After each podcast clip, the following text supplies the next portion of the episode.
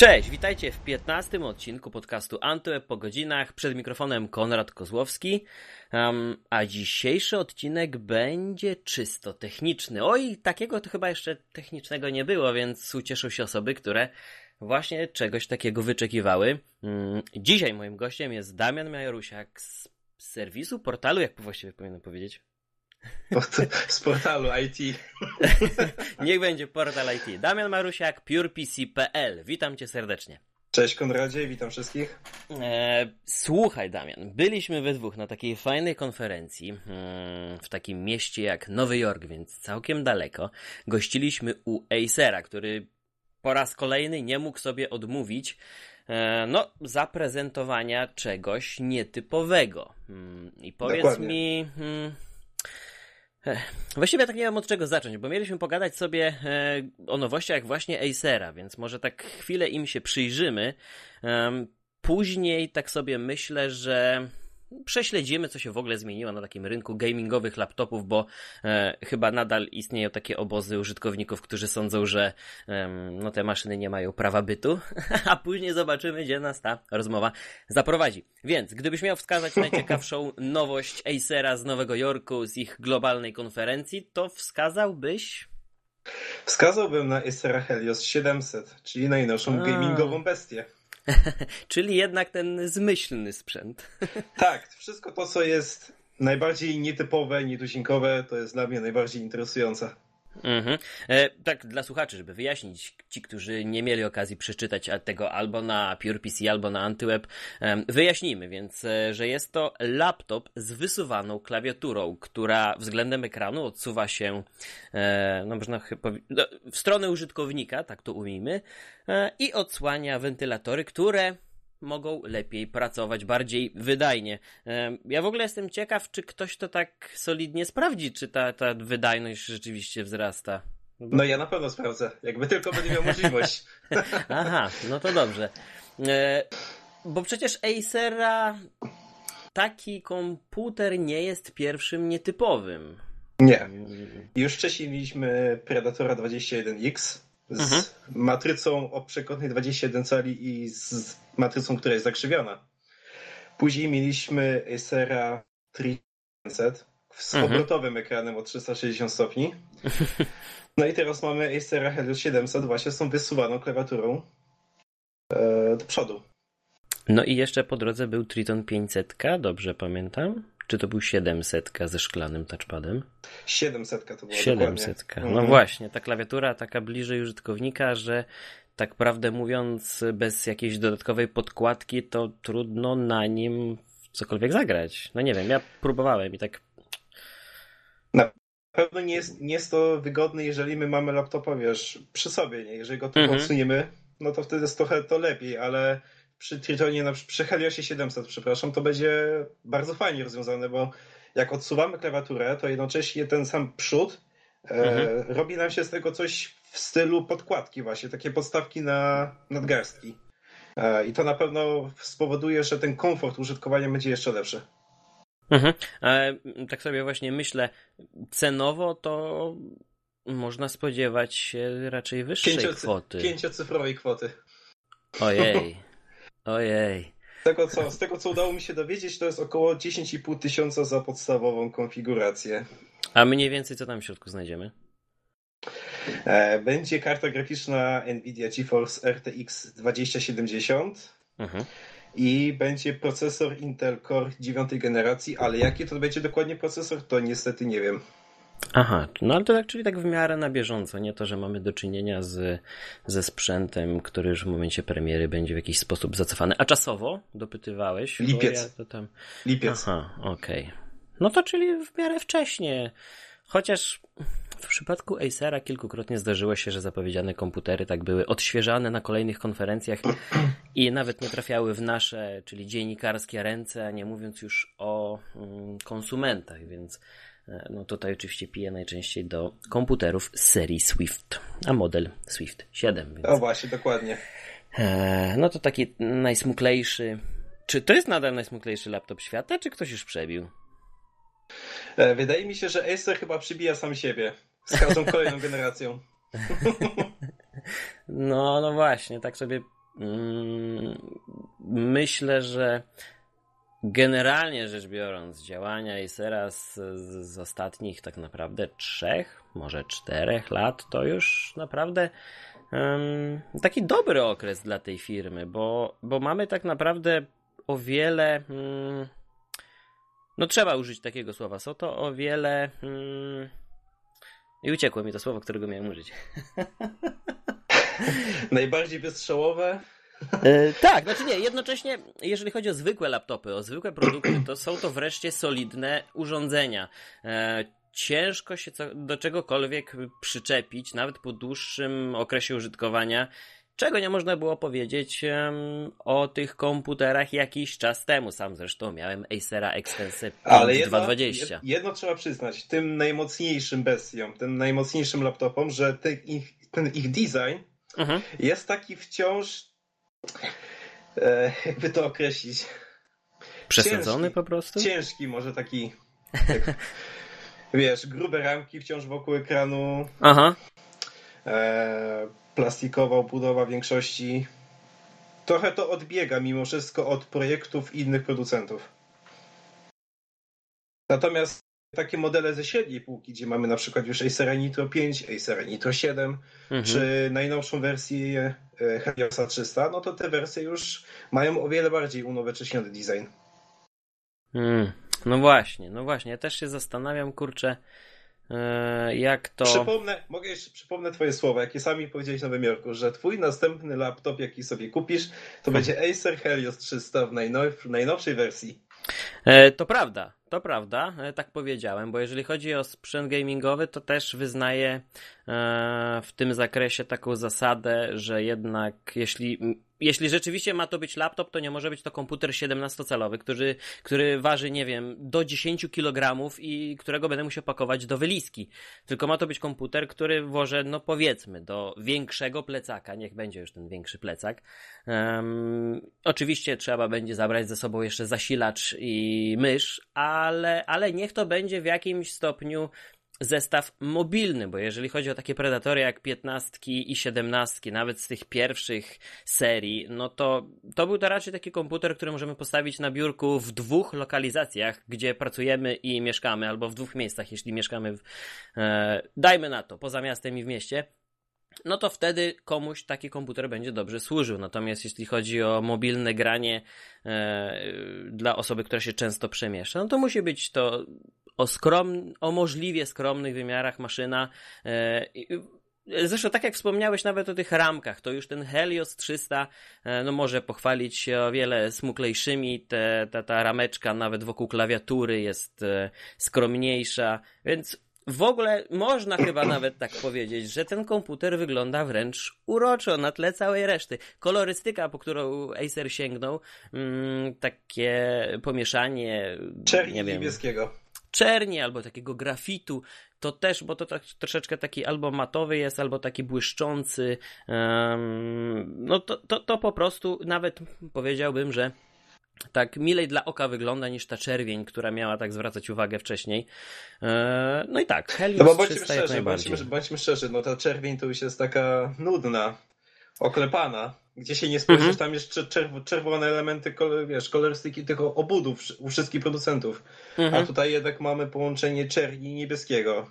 Mhm. I to połączenie mi się akurat bardzo podoba. Tak, to, to, dobór tych barw jest naprawdę udany i, i, i to się zaczęło z pierwszym Tritonem.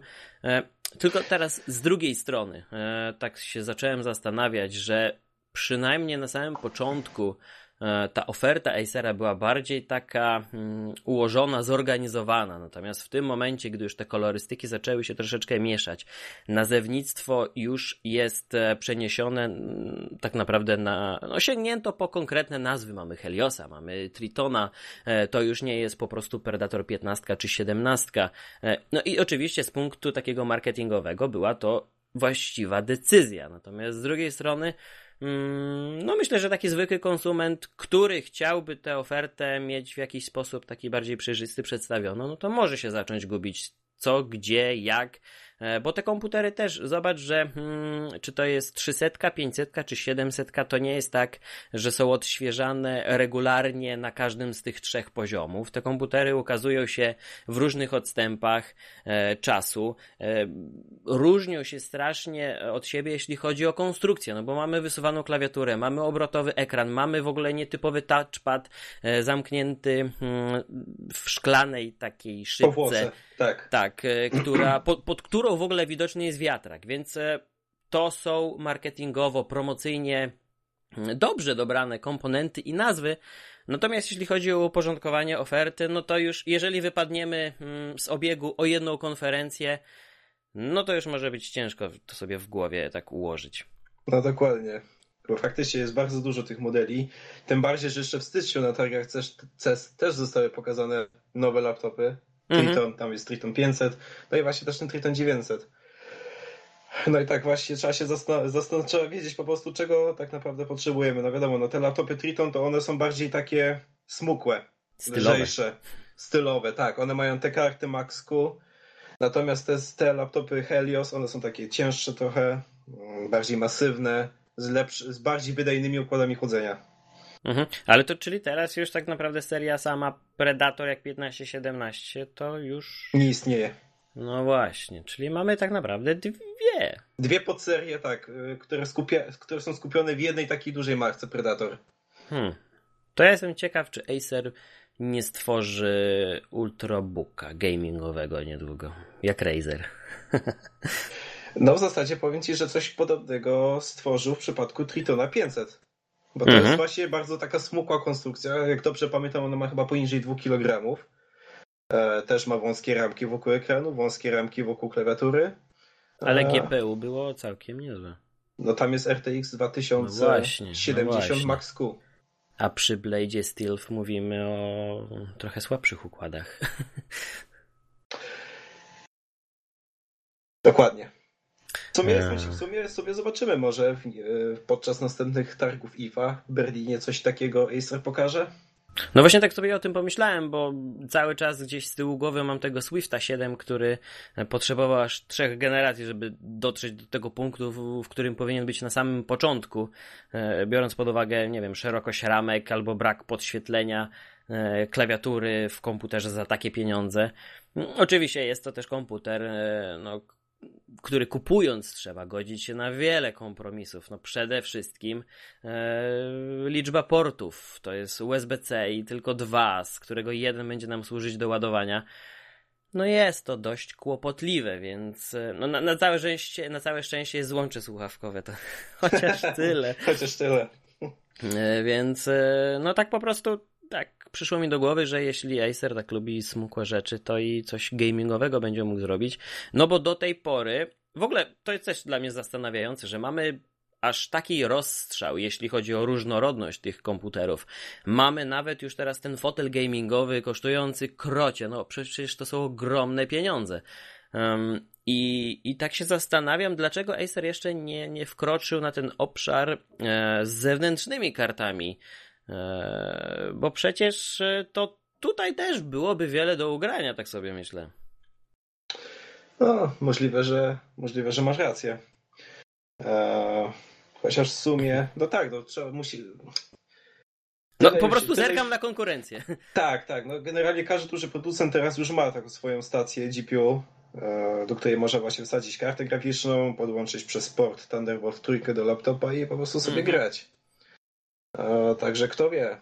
Może to jest faktycznie, to jest jeszcze takie pole niezbadane przez, przez Acera i być może, być może coś pokażą w ciągu no, najbliższych miesięcy. Nadzieję.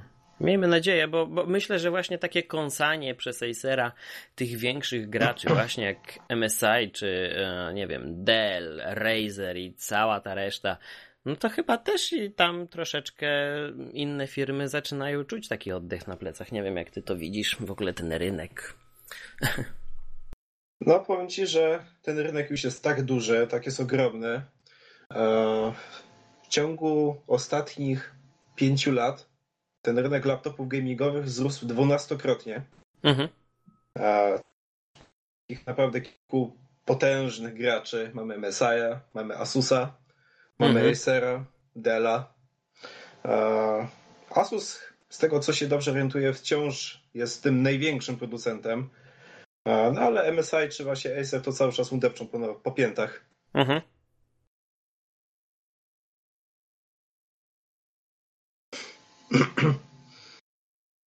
No i właśnie tak sobie teraz myślę, skoro omówiliśmy te gamingowe rzeczy, no to należałoby przejść do zupełnie nowej serii, którą Acer pokazał w Nowym Jorku. Tak, tak, tak. I to Acer... jest... Um, Pomysł. Nazwa. Sama nazwa jest bardzo interesująca, tak. Tak, bo jeśli chodzi o sam zamysł, to e, mnie się jak najbardziej podoba. Bo jeśli chodzi o stylowe, ładne i wydajne urządzenia, e, no to tak naprawdę chyba do wyboru teraz e, takie osoby, które mogą sobie na to pozwolić, będą decydować się mm, na zakup albo komputera od Apple'a, albo od Microsoftu. E, I teraz wjeżdża do tej kategorii tam Acer ze swoją serią, która wjeżdża, się nazywa Concept Acer, D. Tak, wjeżdża Acer na białym koniu ze swoimi białymi laptopami Concept D. Tak. No, zaraz po tym, jak je ogłoszono, mieliśmy możliwość e, przejść do strefy demo, pobawić się nimi. To, co mnie uderzyło w pierwszej kolejności, to mm, no, plastikowe obudowy. Nie wiem, czy zwróciłeś na to uwagę. Znaczy, ja przede wszystkim zwróciłem uwagę na to, że to nie są zupełnie nowe konstrukcje, tylko każdy z tych laptopów bazuje na swoim odpowiedniku albo serii Aspire, albo Predator. Mhm. Tak jak na przykład mamy ten najtańszy Concept D5, jak dobrze, mhm. czy 500. 500 to 5. Było. 5. 5. 5. Myli, myli mi się to już. tak, ten najtańszy koncept D5, on bazuje na Acer Aspire 7, który został też wyposażony w procesory Intel Core kabelek G. I tam mamy Intel Core i7 8705G z kartą Radeon RX Vega MGL. Mhm. Później mamy Acer Concept D7, który bazuje właśnie na Tritonie 500. Mhm. I on ma też e, kartę Nvidia GeForce RTX 2070 Max-Q. No i na końcu mamy ten najwydajniejszy koncept D9 z, z obrotowym ekranem, dokładnie tak samo jak Triton 900. Mhm. No właśnie tego typu konstrukcje cały czas mi się kojarzą z okresem Windows 8, kiedy laptop miał zastąpić tableta, tablet miał zastąpić laptopa i w ogóle nie wiadomo było co się dzieje, bo e, na rynku pojawiło się tyle różnych komputerów, z których konstrukcji teraz chyba tak naprawdę zostały, nie wiem, obrotowy o 360 stopni ekran, czyli możliwość złożenia go w drugą stronę, e, no bo te inne wymysły pff, zaginęły po drodze. No dokładnie. Nie, no, sprawdziło, a... nie sprawdziło się najwyraźniej. Znaczy, no pozostał jeszcze dotykowy ekran, który... Mm, a to jest właśnie ciekawa rzecz z tym y, dotykowym ekranem w laptopie.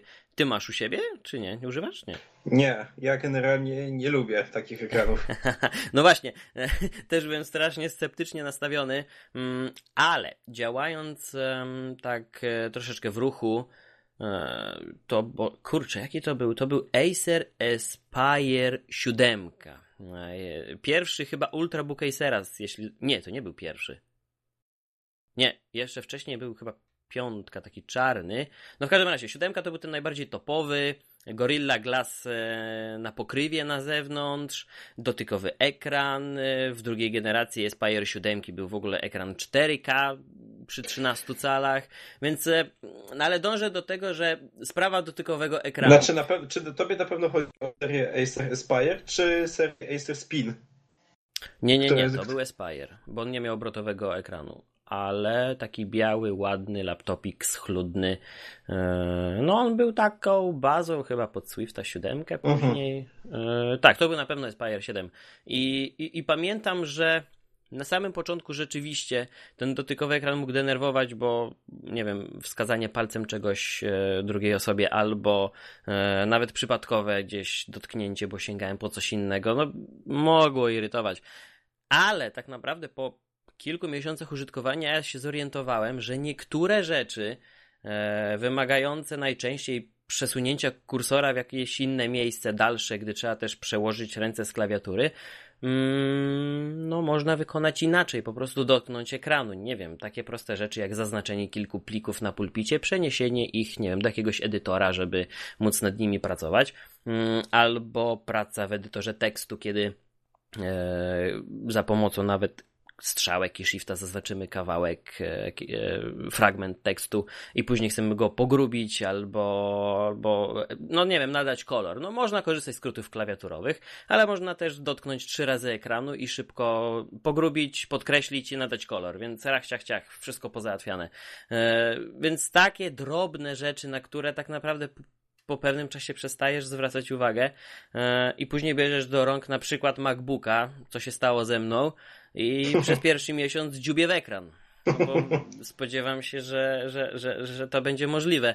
I później tak naprawdę role się odwróciły, e, bo po kilku miesiącach spędzonych z MacBookiem, jak wróciłem do testowanego, nie wiem, na przykład Surface Laptop od Microsoftu, no to potrzebowałem dobrego tygodnia albo dwóch, e, żeby w ogóle oprzytomnieć, że ten ekran jest dotykowy i mogę z tego skorzystać.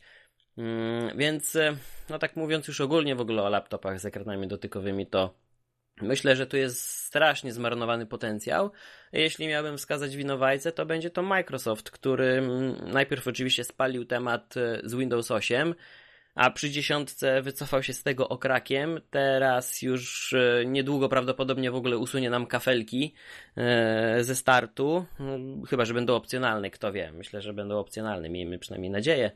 E, więc no, tu było sporo potencjału na takie fajne rzeczy. Oczywiście są pewne rzeczy, których nie będziemy zmieniać, e, no bo ten tradycjonalizm troszeczkę jest potrzebny, ale myślę, że korzystając z takich e, możliwości technicznych, technologicznych, no można było ten kroczek do przodu zrobić, ułatwić ludziom życie, bo przecież jak spędzamy czas przed telefonem i cały czas tapiemy w ekran, to można to było na laptopie robić.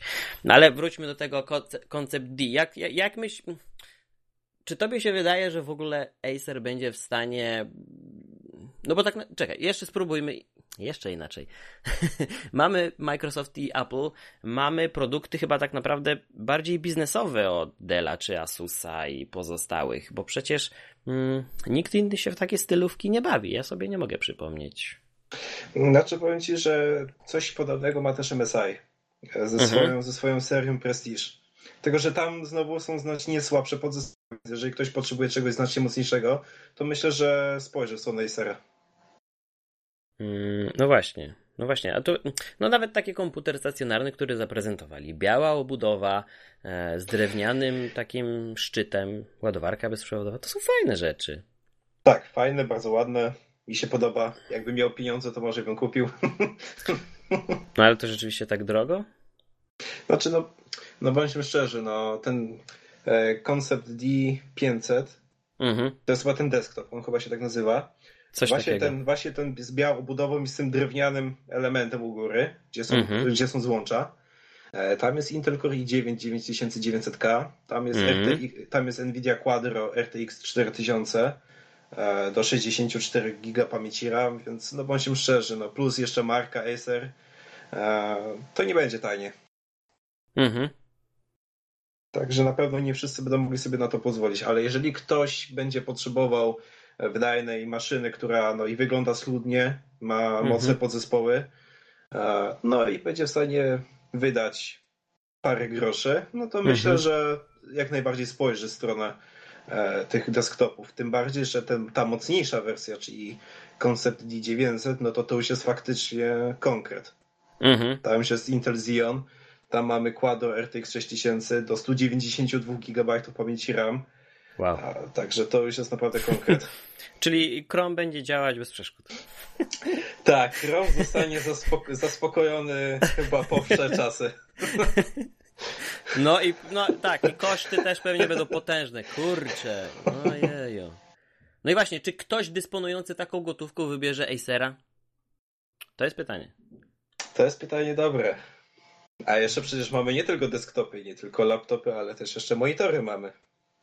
No tak, no jeżeli chodzi o monitory, to i w tym takim sektorze uży konsumenckim i biznesowym i gamingowym Acer sobie radzi całkiem fajnie, więc e, no nic dziwnego, że też i takie, takie ekrany dla twórców, no tak trzeba chyba to powiedzieć, mm, że te ekrany dla twórców przygotował. No ale wracając... wracając no. do monitorów jeszcze, teraz mi się przypomniało, co jeszcze Acer pokazał na konferencji. Takiego super gamingowego, ten 43-calowy monitor. Mhm. Mhm. E, o rozdzielczości 4K, tam mamy 144 Hz częstotliwość odświeżania mhm. i tym razem według producenta to nie będzie zafałszowane 144K, tak jak to miało miejsce w zeszłym roku przy tych 27-calowych, e, ponieważ tutaj mamy to pod, od razu podpinamy do, do, dwóch portów DisplayPort 1.4, więc od razu mhm. ta przepustowość będzie wystarczająca. E, plus do tego producent przekonuje, że ten ekran będzie dobry nie tylko do desktopów, ale również mhm. do konsol. Także jestem ciekawy, jak to wypadnie na przykład w testach podczas takiego codziennego użytkowania, bo zapowiada się naprawdę fajnie, bo i ma fajny design, e, mhm. i ma świetne podzespoły, też parametry. Parametry, no właśnie. No, I to są właśnie takie fajne rzeczy, na które Acer się porywa. No miejmy nadzieję tylko, że wszystko dowiezie, że bez opóźnień, e, niech to solidnie będzie przygotowane i niech będzie dostępne. Powtórzę, niech to będzie dostępne e, w sklepach, niech to będzie w dobrej cenie.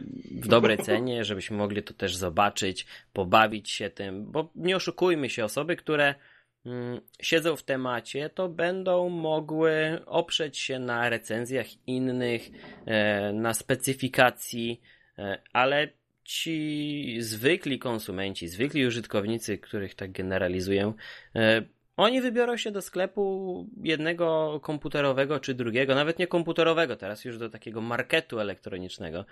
Mm, no i kupią to, co będzie tam wystawione. Po prostu. A, po, po prostu kupią to, co pracownik poleci.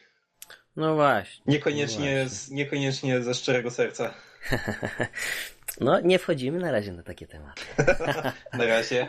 Na razie. Nie, nie, e, ale tak jak zapowiadałem na wstępie, chciałbym teraz e, podpytać Cię, gdybyś mógł szerzej skomentować e, w ogóle tak naprawdę na przestrzeni tych lat, bo przecież już tyle czasu spędziłeś testując i opisując wszystkie te nowości.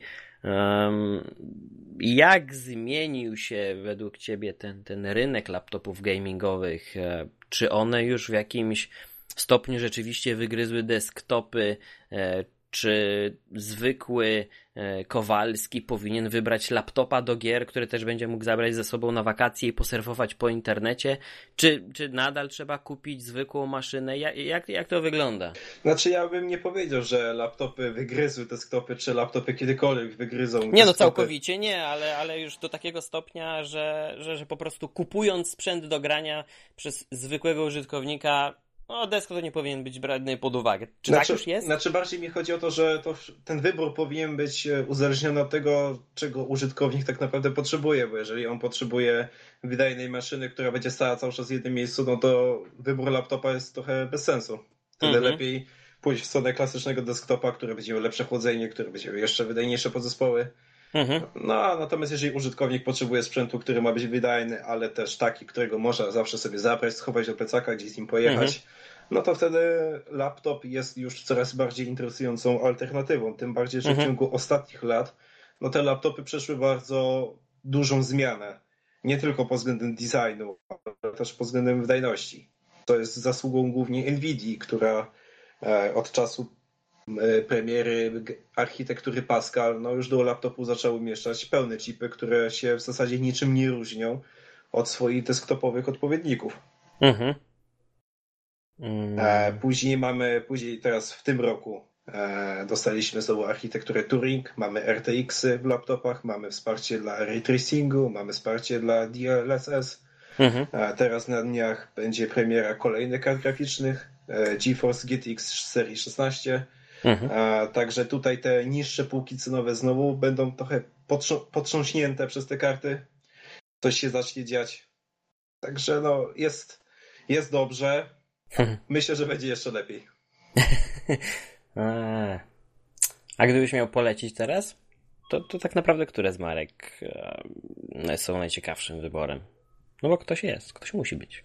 E, powiem tak, Acer to najbardziej oryginalny producent laptopu okay. w tym momencie, ale e, jak już miałem okazję rozmawiać z przedstawicielem właśnie firmy na konferencji w Nowym Jorku, mhm. E, to tam właśnie podkreśliłem, że moim zdaniem to właśnie Acer teraz zrobi najlepsze układy chłodzenia w tych najwyższych flagowych modelach. E, mhm. I tutaj za przykład wezmę Acera Helios 500, którego mhm. miałem okazję testować z 8-rdzeniowym Ryzenem 7 mhm. 2700 i Radeonem RX Vega 56, czyli mhm. konfiguracji przez wielu uważanych za wręcz niedorzeczną w laptopie ze względu na pobór mocy. Natomiast okazało się, że ten laptop radzi sobie świetnie. U pochodzenia bez problemu radzi sobie z procesorem i z kartą graficzną. Mhm. Przy aktywacji tego trybu Cool Boost, e, mhm. który jest w tym laptopie, no to te temperatury nawet nie dobijają do 60 stopni, co jest jak na laptopa imponującym wynikiem. Hmm. A takim rozsądnym wyborem, jeśli nie chcielibyśmy szaleć ani designersko, ani kwotowo? E, to powiem Ci, że ja bym w tym momencie już poczekał na laptopy, które lada chwila pojawią się z GTX-ami serii 16, bo tutaj z tego, co już zdążyłem się zorientować, e, będą całkiem ciekawe konstrukcje w całkiem mhm. ciekawych cenach, e, także myślę, że warto tu jednak poczekać. Hmm. Na to, co producenci pokażą w ciągu najbliższych tygodni. No ale jakąś markę, bo cały czas próbuję wyciągnąć, w którym kierunku patrzeć. Wiesz, jak teraz ci powiem jakąś konkretną markę, to inne się obrażą. Znaczy jak obrażą? No przecież e, nikt się tutaj nie obraża, biorą odpowiedzialność za swoje urządzenia.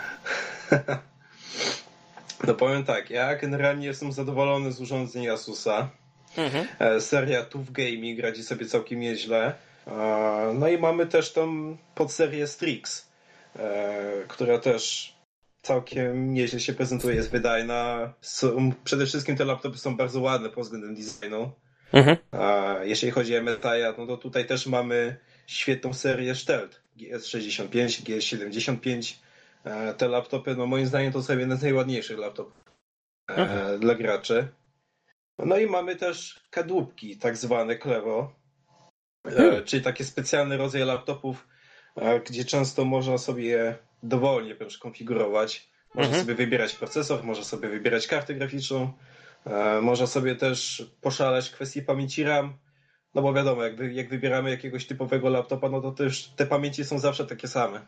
Mhm. Natomiast w tych kadłubkach to możemy sobie wybrać pamięci trochę lepszej jakości. Oni o wyższych częstotliwościach i niższych opóźnieniach. Także no, ten wybór jest naprawdę bardzo szeroki. E, no mamy też jeszcze Della. No. Dell zaprezentował w styczniu bardzo ciekawą konstrukcję właśnie tak, Alienware tak, Area tak, 51M, tak, tak. gdzie ma też wymienne podzespoły. Mhm. No ale sprzęt nie jest dostępny w Polsce teraz. Nie wiem, czy w ogóle Znaczy, jeśli dobrze pamiętam, to, to z tym laptopem Alienware'a nie było tak, że to i tak oni muszą dostarczać komponenty? Powiem Ci, że mnie trochę zaskoczyłeś tym pytaniem.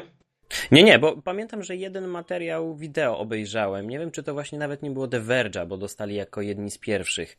Um, I tam coś takiego padło, że tak naprawdę w tym komputerze będzie można wymieniać komponenty do momentu, gdy Alienware będzie je oferować w swoim sklepie.